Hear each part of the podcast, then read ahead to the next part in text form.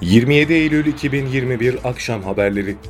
Kremlin sözcüsü Dimitri Peskov, başkent Moskova'da gazetecilere yaptığı açıklamada, Rusya'nın Soçi kentinde 29 Eylül'de yapılması planlanan Vladimir Putin ve Cumhurbaşkanı Recep Tayyip Erdoğan'ın görüşmesi için hazırlıkların sürdüğünü belirtti.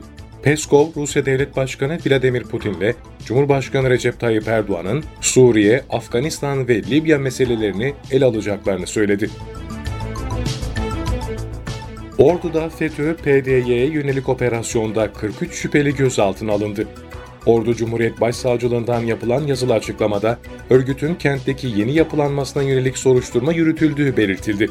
Soruşturma kapsamında yaklaşık 3 ay süreyle yapılan iletişimin dinlenmesi, teknik araçlarla izleme ve fiziki takip faaliyetleri sonucu tespit edilen şüphelilere yönelik operasyon düzenlendiği, 43 şüphelinin gözaltına alındığı kaydedildi. Milli Savunma Bakanlığı Pençe Şimşek ve Pençe Yıldırım bölgelerinde tespit edilen 4 PKK'lı teröristin etkisiz hale getirildiğini bildirdi.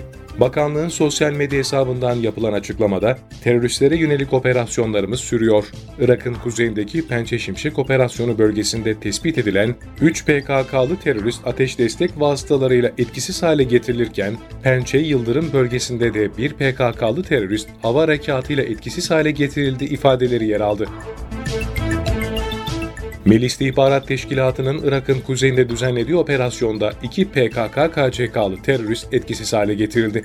Alınan bilgiye göre MİT tarafından 20 Eylül ve 26 Eylül'de Irak'ın kuzeyindeki Metina ve Zab bölgelerinde operasyon düzenlendi. Operasyonda iki PKK-KCK mensubu etkisiz hale getirildi.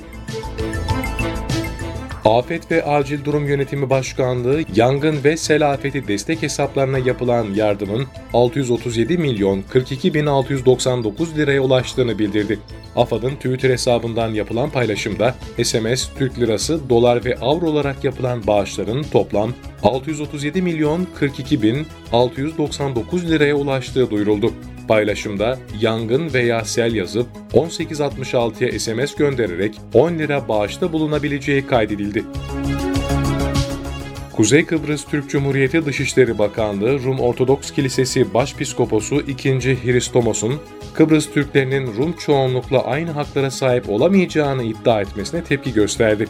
Dışişlerinden yapılan açıklamada adadaki Türk varlığına tahammülü olamayan Rum zihniyetinin hiçbir şekilde değişmediğini ve değişmeyeceğini gösteren Başpiskopos'un çağ dışı açıklamaları, Kıbrıs Rum elitlerinin Kıbrıs Türk halkının azınlık olarak görmeye devam ettiğini açıkça göstermektedir denildi. Konya Ovası'nda son yıllarda hızla artan obruk oluşumlarının yanı sıra yüzey yarıkları da sıklıkla görülmeye başlandı. Küresel ısınma, suyun aşırı kullanımı ve kuraklığın etkisiyle yeraltı su seviyesinin düşmesi, zeminin çökmesine ve düzeyde deformasyona neden oluyor. Konya'da geçen aylarda Çumra, Karapınar ve Emirgazi ilçelerinde görülen yüzey bozulmaları, yerleşim yerlerinde ve yapılarda deformasyona neden oldu. Akşehir Havzası'nda Tuzlukçu'da görülen yarıklar mahalle sakinlerini de endişelendiriyor. Yunanistan'ın Girit adasında 5.8 büyüklüğünde deprem meydana geldi. Depremde bir kişi hayatını kaybetti. Merkez üssü Girit'in güneyindeki Arvis bölgesi olan depremin tüm adada hissedildiği aktarıldı. Yunan basınında yer alan haberlere göre depremde bir kişi hayatını kaybetti, ondan fazla kişi yaralandı. Ürdün ve Suriye arasında bulunan ve 57 gündür kapalı olan Cabir sınır kapısının tekrar faaliyete geçeceği açıklandı.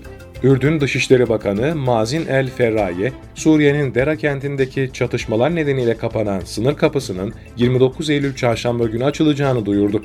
Ferraye, 31 Temmuz'da kapanan Cabir Kapısı ile ilgili teknik ve lojistik hazırlıkların tamamlanarak sınır kapısının yolcu veya eşya geçişine hazır hale getirileceğini kaydetti.